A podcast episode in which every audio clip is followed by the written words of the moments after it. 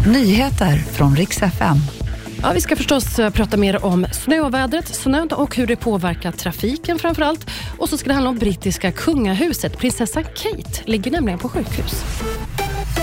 Det har varit rörigt i trafiken på många håll på grund av snövädret under dagen och i morse slog det till mot västkusten. I Skåne där fick både E6 och E22 stängas ner på grund av olyckor. SOS International fick kallas in för att hjälpa till med alla lastbilar som satt fast. Under eftermiddagen gäller fortfarande orange varning för Norrlandskusten och framförallt runt Västerbotten. En rektor i Östersund fick nog och stängde ner sin skola efter en TikTok-utmaning. Det har avlossats både raketer och smällare på skolan hela veckan. På Torvallaskolan är det. Och till slut fick rektorn nog. Skolan fick evakueras. Minst två elever är misstänkta och också stängts av från skolan. Det hela är också polisanmält. Jättetråkigt, säger rektorn. Men det här måste göras för barnens och elevernas skull. Det ska handla om prinsessan Kate som ligger på sjukhus. Hon är alltså gift med kronprins William och brittiska hovet. De har varit med förtegna med det här, men prinsessan har tydligen genomgått en magoperation och hon ska nu vara sjukskriven fram till påsk.